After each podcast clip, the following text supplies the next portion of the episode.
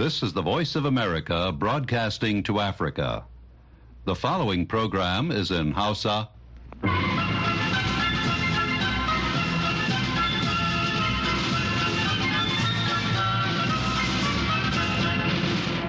Sashen Hausa na murya Amurka ke magana daga nan birnin Washington DC.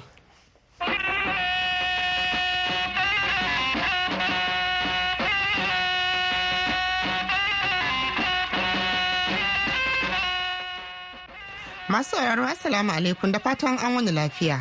Yanzu ma Hawa Sharif ce tare da Muhammad Lalo da sauran abokan aiki. Muka sake dawowa a cikin shirinmu na daren yau Litinin 26 ga watan Fabrairu na shekarar 2024. A ɓangaren rahotanninmu za ku ji cewa hedikwatar rundunar tsaron Najeriya ta yi watsi da jita-jita da aka ta yadawa cewa sojoji sun yi yunkurin juyin mulki a ƙasar. Abin da muke cewa shine wannan rahoton da wannan jaridar ta yanar gizo ta fitar ba gaskiya ba ne. Mun jin wannan da masu sauran rahotanni. Muna kuma tafa da shirin 'yan ƙasa da hukuma da labarin wasanni. Amma fa duk sai an gyara zama an saurari kashin farko na labaran duniya. To jama'a assalamu alaikum. Wani sojan saman amurka ya rasa ransa bayan da ya cinna wa kansa wuta a ƙofar ofishin jakadancin isra'ila da ke nan washington dc inda ya ambaci cewa ba zai iya ci gaba da sa hannu a kisan kyashin da ake yi ba. Aaron bushnell mai shekaru 25 wanda dan asalin birnin san antonio ne na jihar texas ya rasu ne da saboda raunukan da ya samu a jikinsa sanadiyar wutar da ya cinna wa kansa kamar yadda 'yan sandan birnin na washington dc suka bayyana a yau litinin.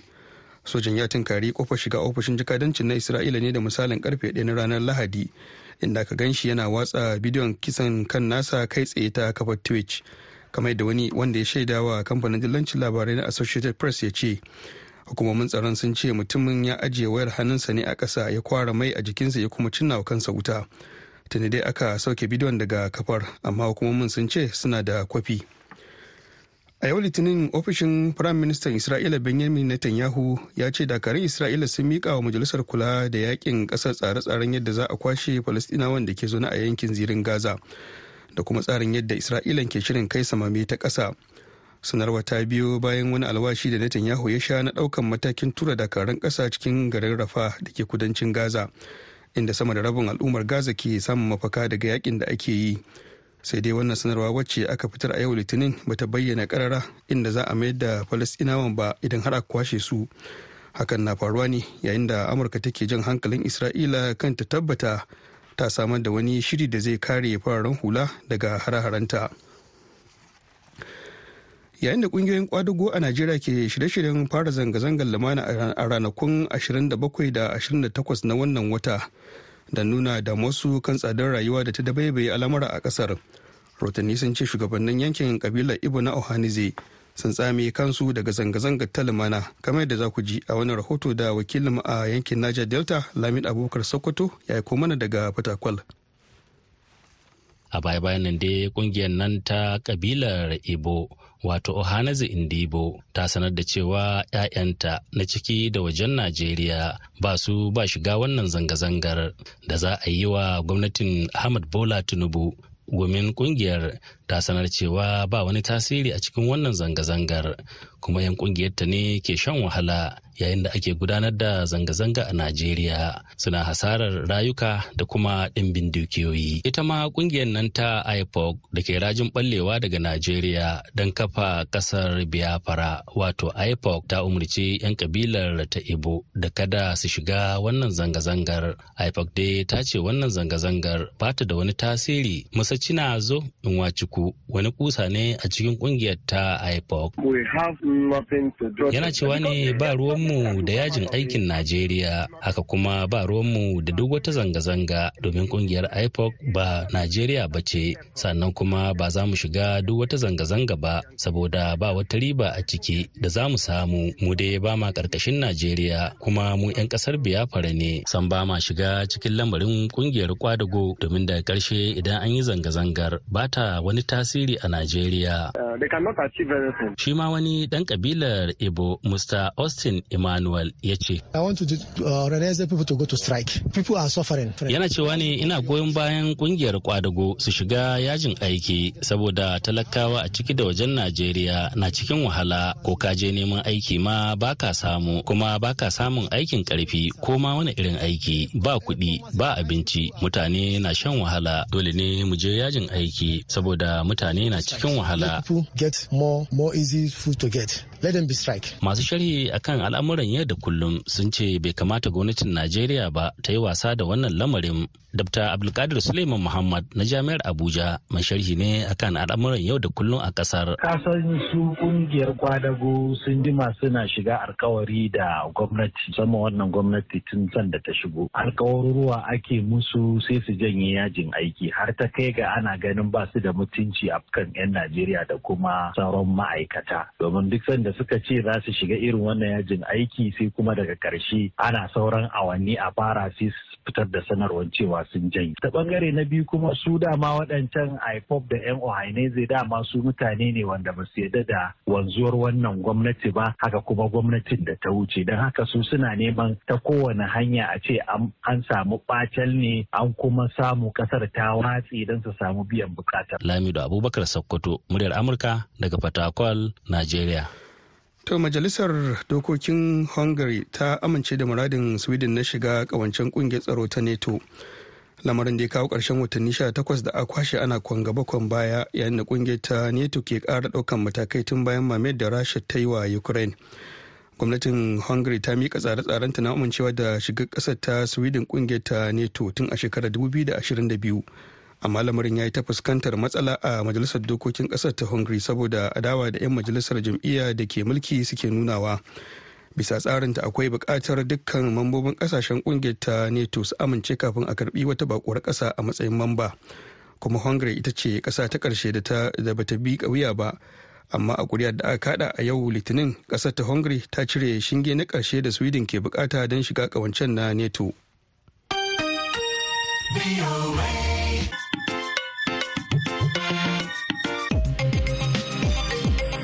Mahmud Lalo aka saurara da labaran duniya daga nan sashen Hausa na murya Amurka a birnin Washington DC.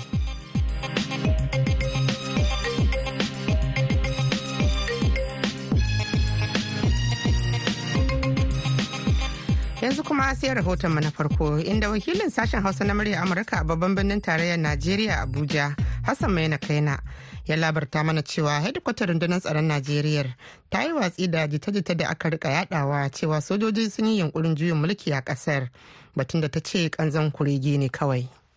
Tun dai a daren jiya ne aka yi taya madidin cewar sojoji sun yi yunkurin juyin mulki a najeriya. Har ma wata jarida ta kwarmato cewar shugaban najeriya bola ahmed tinubu sun yi wata ganawar sirri da kwamandan rundunar da ke tsaron fadar shugaban ƙasar. Sannan an sa dakarun rundunar kara zama cikin shirin kota sannan suna ta sintiri a da'irar gidan shugaban kasa to sai dai kuma sojojin najeriya sun fitar da wata sanarwa da ke karata wannan batu.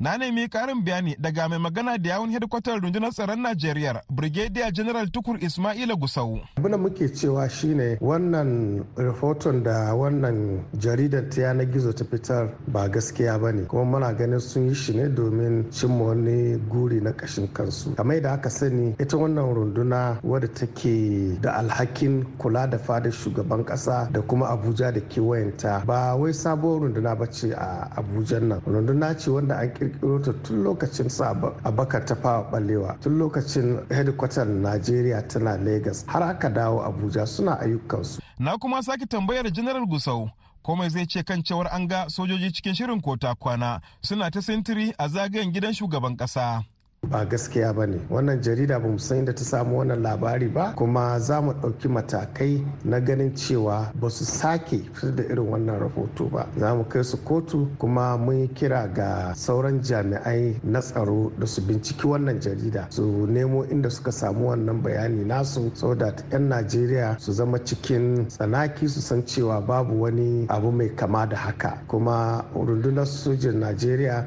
za ta ci gaba da kare martabar tsarin mulki da demokaradiyya wanda a halin yanzu ake yi a najeriya.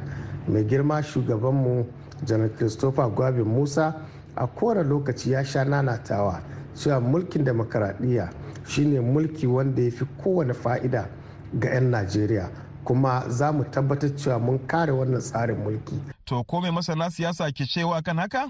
Profesa Dr. Abubakar Kari masanin kimiyyar siyasa ne a Jami'ar Abuja. To a kadatawan tana kan gaba ƙwarai da gaske kamata yi sojoji su gaba da biyayya ga shugabannin farar hula su ci gaba da kare demokradiyya duk da abubuwan da suke faruwa mulkin soja fa ba zaɓi ba ne duniya ta canza an rufe wannan shafi na mulkin soja. Profesa Dr. Abubakar Umar Kari Hassan mai na muryar Amurka daga Abuja, Nigeria. An gaida Hassan mai na masu aro kada dai a shafa ana sauraron shirin ne daga nan birnin Washington DC akan mitoci 1625 da kuma 31. A jamhuriyar Nijar za a iya sauraron matashar mu ta VOA Africa akan mita 200.5.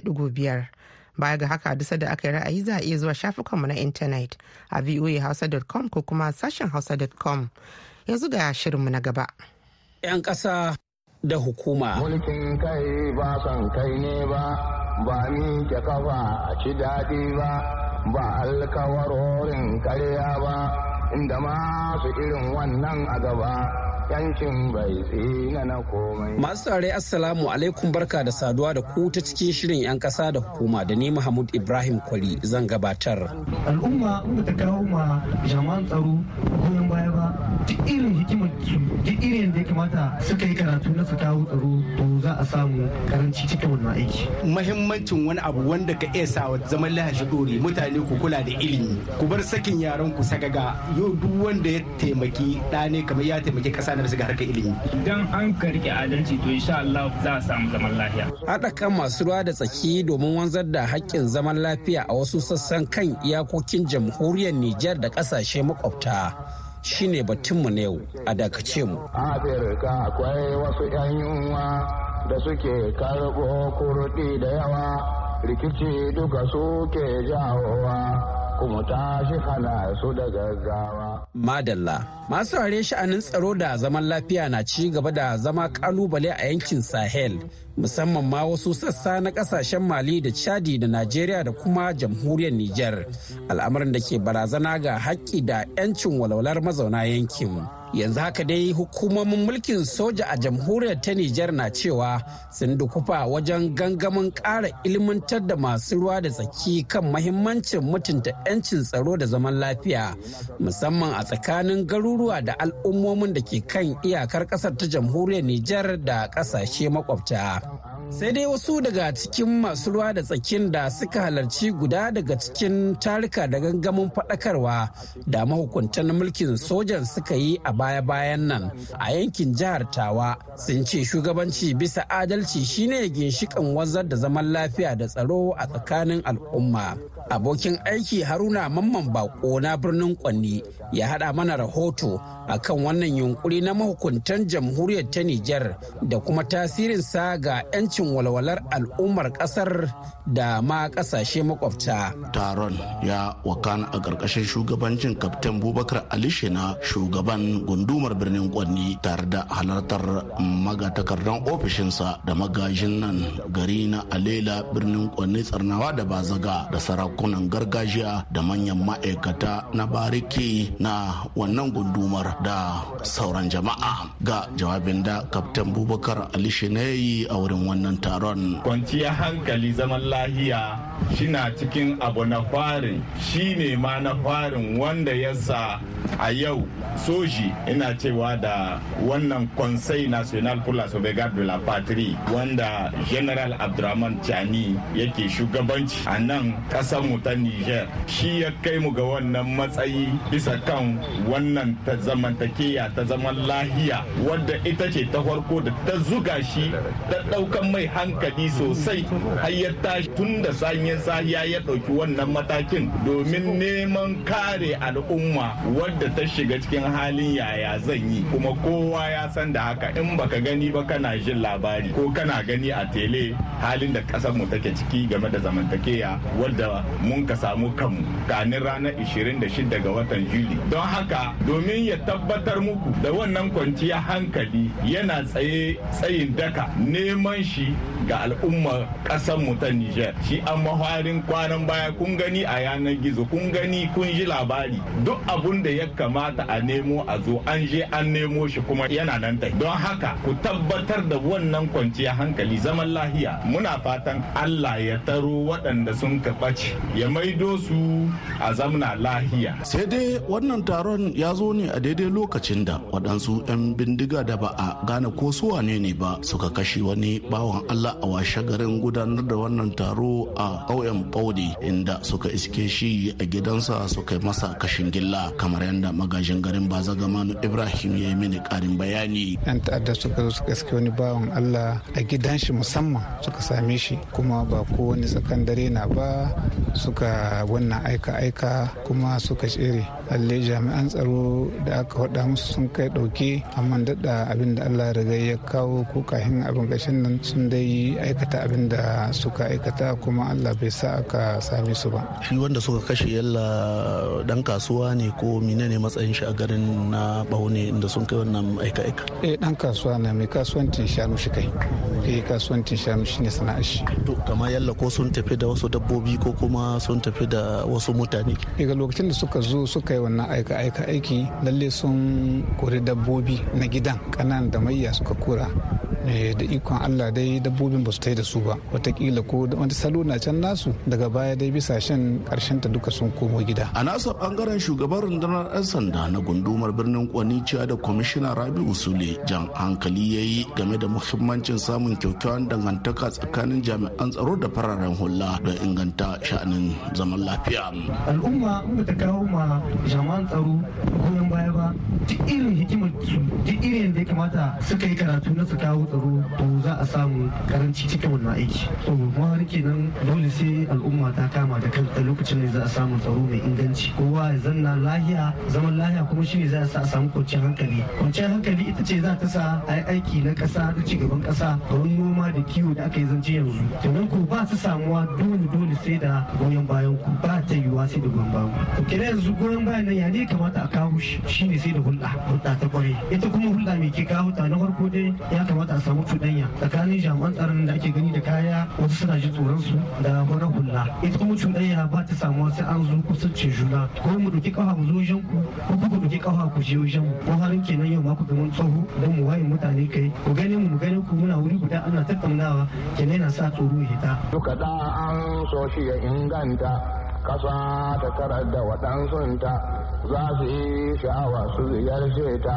Da kafar su su zo su yi kallanta komai ba mai iya kushe a nasa ɓangaren wakilin mai martaba alhaji muhammad salihu sardauna sarkin birnin kwanni a wurin wannan taron cewa da ya hayyabe muradi ya gayawa mahalarta taron da suka hada da hakimai malamai manoma da makiyaya ƙungiyoyin mata da na matasa na wannan karkara tare da 'yan kasuwa da cewa fa neman ilimi na ɗaya daga cikin ababen da ke wanzar da zaman lafiya. Abinda muka fata ga ga mutane. Zaman lahiya na kamu.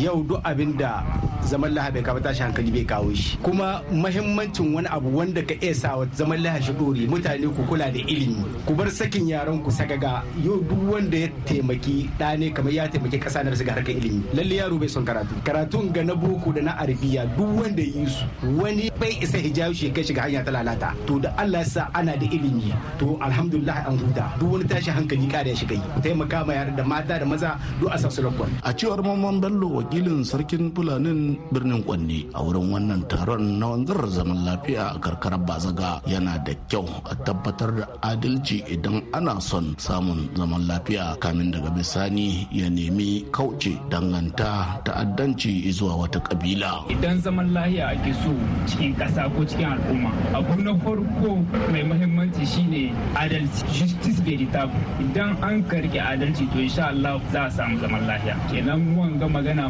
na ɓangaren hukumomi ne. Su hukumomi su yi abun da adalci tsakanin al'ummomin su sannan kada mu yi kuskuren danganta mutanen waɗanda ke kawo tashi hankali cikin al'umma da wata kabila bandi ba su wakilcin kowace kabila don haka kada al'umma mutane su su dinga danganta wanga banditism kin da kabila wannan taron dai na samun ƙoƙarin HACP Hot Autorité pour la Consolidation de la Paix da kuma Projet PASO. Wannan yunkuri na mahukuntan soja a jamhuriyar Nijar na wakana ne a daidai lokacin da ƙungiyar ECOWAS mai kula da sha'anin tattalin arzikin ƙasashen nahiyar afirka ta yamma da janye takunkumin tattalin arziki da ta kakaba wa jamhuriyar ta nijar tun a watan yulin bara biyo bayan kifar da shugaba mohamed bazum da sojoji suka yi. Yanzu dai abin jira a gani shine yadda wannan mataki na ecowas da kuma wancan yunkuri na mahukuntan soja zai yi tasiri ga sha'anin 'yanci da walwalar al'ummar jamhuriyar niger da ma ƙasashe makwabta ta fuskar tsaro. Masu ware ƙarshen shirin 'yan ƙasa da hukuma na yau kenan sai makon gobe idan allah ya kai mu. Yanzu a madadin ɗaukacin abokan aiki musamman haruna mamman bako na birnin kwanni mahmud ibrahim kwari daga sashen hausa na muryar amurka ke cewa a huta lafiya. Wassalamu alaikum. A ƙasa duka mai mulkin kanta an so a tara da mutanenta. To madalla an gaida Muhammad Ibrahim kwari da shirin 'yan ƙasa da hukuma. Masu sauraro kafin mu ci gaba sai a ɗan shakata da wannan. Allah sarki gyara, Allah gyara,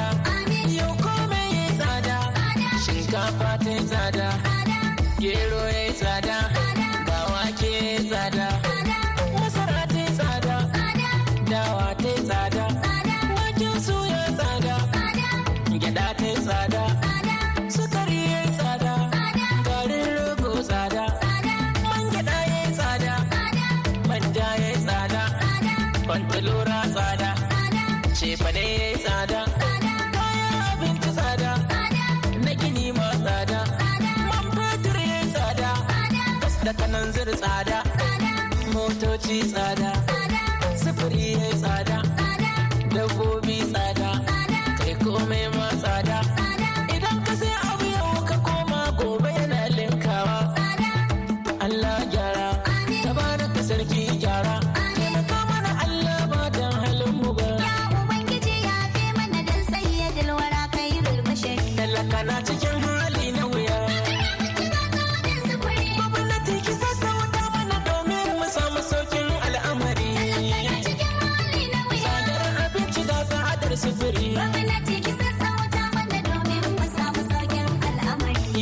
Cikin mugun yanayi.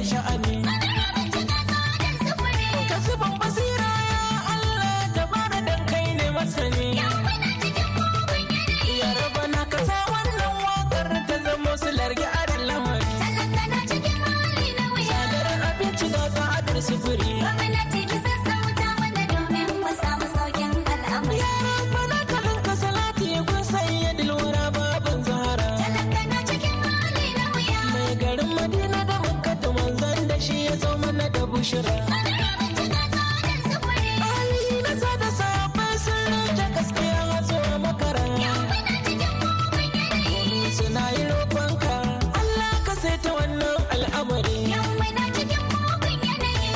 Talakawa na auya To madalla Allah ya yi fama lamarin ruwa masu sauraro lokaci ne na labarin wasanni.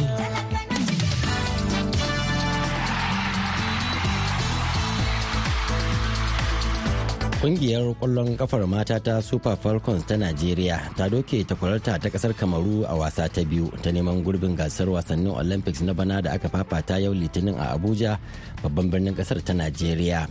sakamakon wasan na yau dai ya kara haskaka fatan najeriya na samun gurbin gasar ta olympics a yayin da ta sami kaiwa matakin ƙarshe na wasannin bayan da wasan su ta farko da suka buga a birnin duwala ranar juma'a ta karkare a kunnen doki ba wanda ya zira ƙwallo akwai yiwuwar najeriya da za ta kara da ƙasar afirka ta kudu a wasan su ta gaba. A fafutukar neman gurbin gasar wasannin na olympics na bana a birnin paris na ƙasar faransa.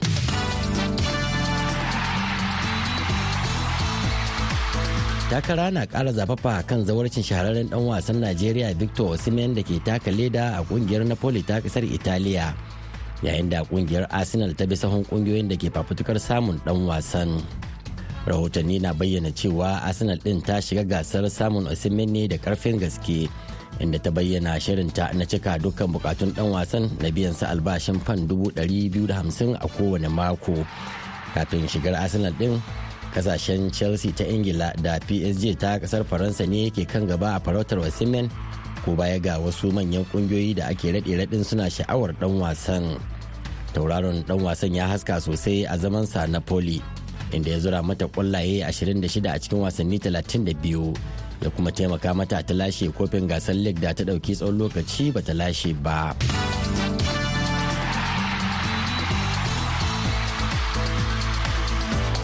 Kungiyar ƙwallon kafar Everton ta Ingila ta sami sassauci akan hukuncin da aka yanke mata na zaftare mata maki goma a gasar Premier inda a yanzu aka mai da su maki shida. A cikin watan Nuwamba ne aka yanke wa ƙungiyar hukuncin saboda samunta da laifin karya dokokin hada-hadar kudade da kasuwanci.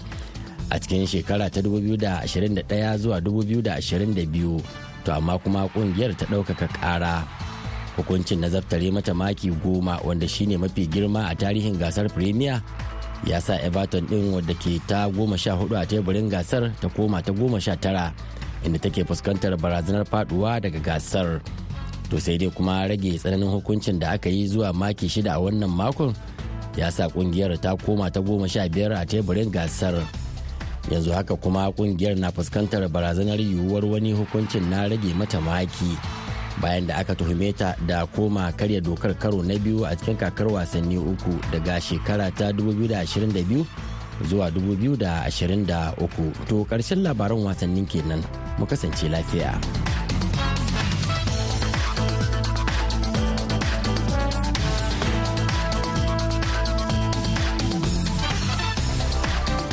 Madalla an gaida Murtala Faruk da labarin wasanni masu sauraro da haka muka zo ga gaba ta ƙarshe a shirin wato labarai a taƙaice.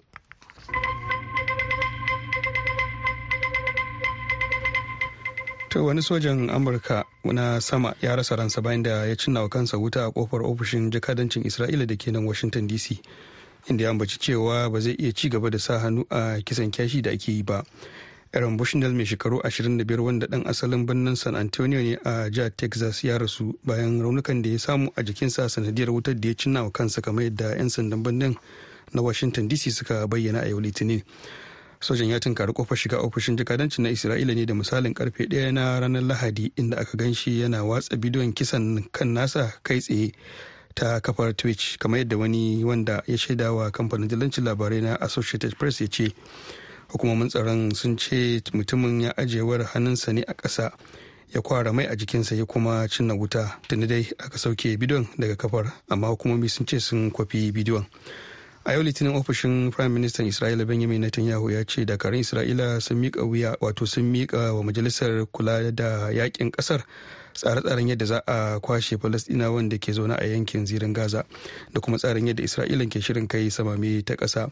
Sanarwar ta biyo bayan wani alwashi da netanyahu ya sha na ɗaukan matakin tura dakarun kasa cikin garin rafa da ke kudancin gaza inda sama da rabin al'ummar gaza ke samun mafaka daga yaƙin da ake yi.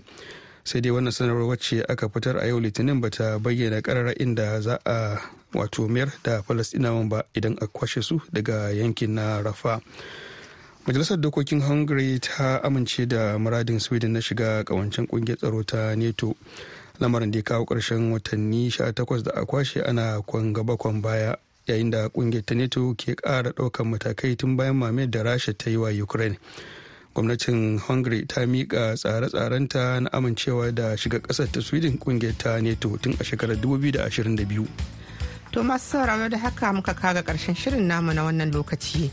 Sai kuma da wato na ƙarshe a jerin shirye-shiryen mu a yau sai kuma gobe da safe idan Allah ya kai mu za a ji mu ɗauke da wasu sabbin shirye-shiryen. Yanzu a madadin Muhammad Lalo da ya taya ni gabatar da shirin ya karanto labaran duniya. Sai Fiona Nandudu da ta ba da umarni da injiniyan mu na yanzu Mr. Patrick Deya. Hawa Sharif ke muku fatan alheri daga nan Washington DC. Mu kwana lafiya sai da safen ku.